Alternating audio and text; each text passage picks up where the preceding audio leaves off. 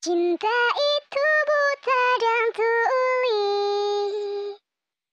Tak melihat zaman tengah Namun datangnya dari hati. Tidak bisa dimungkiri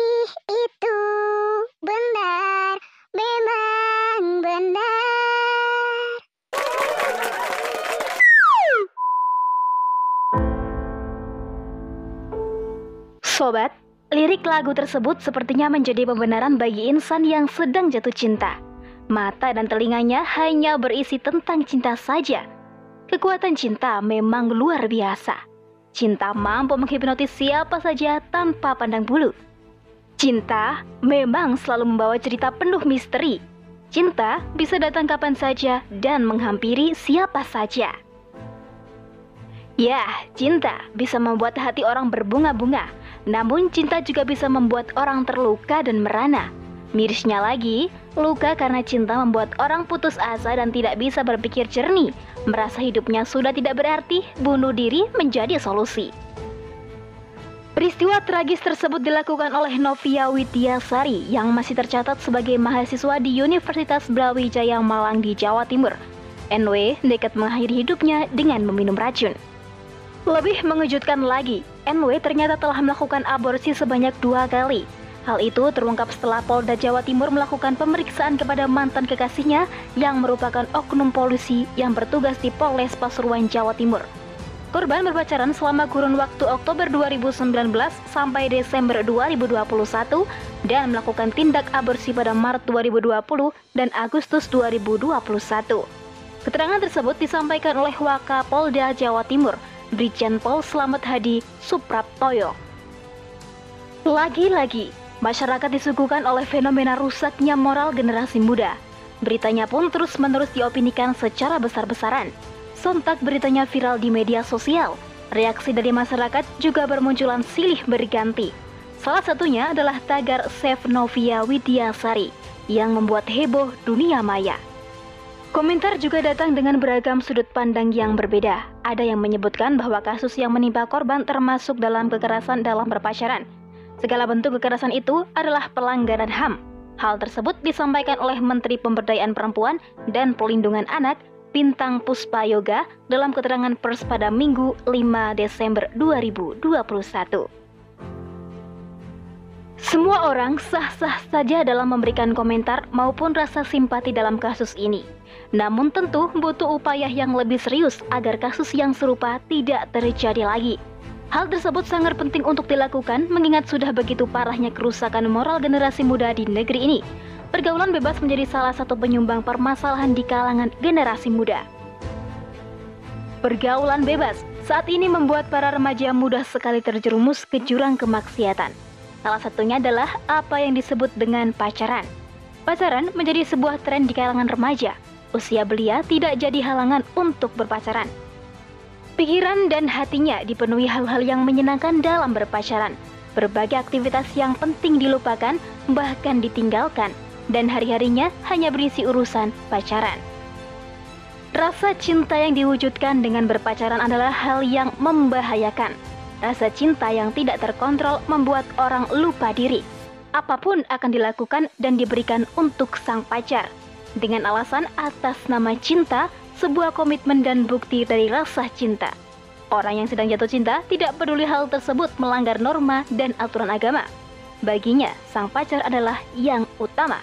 Inilah yang dinamakan cinta buta. Tidak bisa melihat mana yang benar dan mana yang salah. Semuanya demi rasa cinta yang terlanjur membuncah.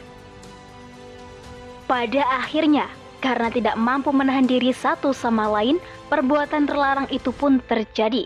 Sampai akhirnya menimbulkan suatu yang tidak diinginkan, yaitu kehamilan di luar nikah. Masalahnya menjadi semakin rumit. Kehamilan menjadi aib yang menakutkan. Tidak ada jalan lain, aborsi jadi pilihan. Nauzubillah. Pergaulan bebas tanpa batas di dunia remaja memang sudah sedemikian memprihatinkan. Maraknya pacaran, prostitusi, maupun tindakan aborsi menjadi awan hitam yang menutupi indahnya dunia remaja. Masa remaja yang seharusnya digunakan untuk hal-hal yang berguna nyatanya disia-siakan. Masa remaja yang seharusnya menuntut ilmu justru dihabiskan untuk menuruti hawa nafsu. Masa mudanya digunakan untuk berpacaran, nonton bareng, dugem di kafe, maupun hal-hal lain yang anfaedah. Dunia seolah hampa ketika tidak melakukan hal-hal tersebut. Dirinya dianggap kuno, kuper, kudet oleh teman-temannya. Remaja yang tidak berpacaran pasti akan dijauhi, dikucilkan bahkan dibully habis-habisan. Mengapa sampai demikian? Ya, karena pacaran sudah menjadi gaya hidup dan simbol kedewasaan yang sudah ditanamkan kepada generasi muda, khususnya para remaja.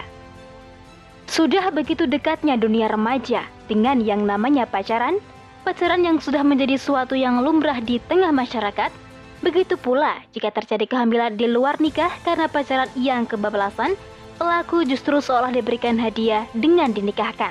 Itulah fakta yang terjadi di masyarakat. Kerusakan moral sudah tidak dipikirkan, tidak ada upaya untuk memperbaiki, semuanya ditanggung sendiri-sendiri. Kondisi demikian wajar terjadi semuanya karena sistem yang diadopsi di negeri ini. Sistem yang tidak mengenal aturan karena agama dipisahkan dari kehidupan Agama hanya untuk mengatur aspek pribadi semata. Dalam kehidupan umum, manusia yang lebih berkuasa dan bebas berbuat apa saja.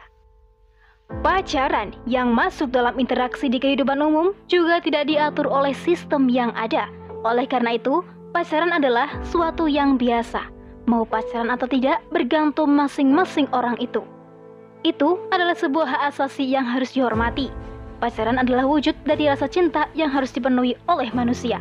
Apabila tidak dipenuhi, maka orang bisa mati. Inilah pola pikir yang rusak, pola pikir yang lahir dari sistem yang rusak pula. Sistem yang harus ditinggalkan karena sistem ini adalah biang kerusakan dan bencana. Sobat, saatnya untuk mengambil sistem kehidupan yang benar. Sistem yang berasal dari Allah Subhanahu wa taala, pencipta manusia dan alam semesta. Dengan sistem ini, seluruh amalan manusia ada aturannya. Aturan tersebut meliputi aspek individu, masyarakat, dan negara. Aturannya begitu utuh, menyeluruh, dan terperinci. Itulah aturan dalam sistem Islam. Dalam Islam, pengaturan dalam interaksi di kehidupan umum sudah sangat jelas. Salah satunya adalah interaksi antara laki-laki dan perempuan. Laki-laki dan perempuan dilarang untuk berduaan karena hal itu dikategorikan mendekati zina. Allah Subhanahu wa taala berfirman dalam Quran surat Al-Isra ayat 32. Bismillahirrahmanirrahim. Wala taqrabu zina innahu kana fakhishah wa sa'a dan janganlah kamu mendekati zina. Sesungguhnya zina itu adalah suatu perbuatan yang keji dan suatu jalan yang buruk. Itulah mengapa aktivitas pacaran dilarang di dalam Islam. Sebab pacaran akan memicu perbuatan yang mendekati zina. Pacaran yang di dalamnya berisi aktivitas berdua-duaan, berpegangan tangan, maupun berpelukan pasti akan membuka peluang untuk berbuat lebih dari itu, yaitu berhubungan badan layaknya suami istri. Baru mendekati zina saja sudah dilarang, apalagi perbuatan zina. Islam tidak melarang orang untuk memiliki rasa cinta ataupun jatuh cinta. Sebab rasa cinta adalah gorizah atau naluri yang diberikan Allah Subhanahu wa taala kepada seluruh makhluk. Di dalam Al-Qur'an, Allah Subhanahu wa taala berfirman yang artinya, Dijadikan indah pada pandangan manusia kecintaan kepada apa-apa yang diingini. Wanita-wanita, anak-anak, harta yang banyak dari jenis emas, perak, kuda pilihan, binatang-binatang ternak, dan sawah ladang.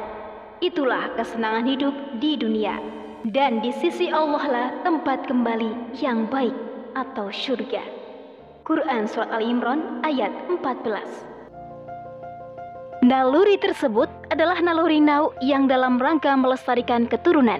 Salah satu wujud dari naluri nau adalah munculnya rasa cinta atau ketertarikan kepada lawan jenis. Rasa cinta ini jika tidak dipenuhi tidak akan menimbulkan kematian, tetapi hanya menimbulkan rasa gelisah. Untuk mengatasi rasa gelisah, rasa cinta tersebut bisa dialihkan dengan aktivitas yang positif. Bisa dengan aktif mengikuti kegiatan remaja di masjid atau ikut kajian-kajian keislaman. Dengan begitu, kegelisahan bisa dihilangkan, pemahaman agama bisa didapatkan. Untuk yang sudah siap dan mampu, maka rasa cinta kepada lawan jenis haruslah diikat dengan tali pernikahan yang sah. Hal itu diambil untuk menghindari segala tindakan yang menjurus kepada larangan Allah, yakni perbuatan zina. Begitu jelasnya aturan dalam Islam. Semua aspek kehidupan ada di dalamnya. Untuk urusan cinta pun, Islam ada aturan dan panduannya. Alangkah indahnya kehidupan jika diatur dengan aturan Islam. Semua berjalan dengan penuh rasa keimanan dan ketakwaan. Tidak ada lagi korban akibat cinta buta yang berujung bencana. Moral dan kehormatan generasi muda akan terjaga. Hal tersebut akan terwujud apabila seluruh aturan Islam diterapkan di semua aspek kehidupan. Keberkahan akan menaungi dunia remaja dan seluruh alam semesta. Wallahu a'lam bishawab. Demikian rubrik opini kali ini. Sampai jumpa di rubrik opini selanjutnya. Tentunya di podcast Narasi Pos, cerdas dalam literasi media, bijak menangkap peristiwa kunci.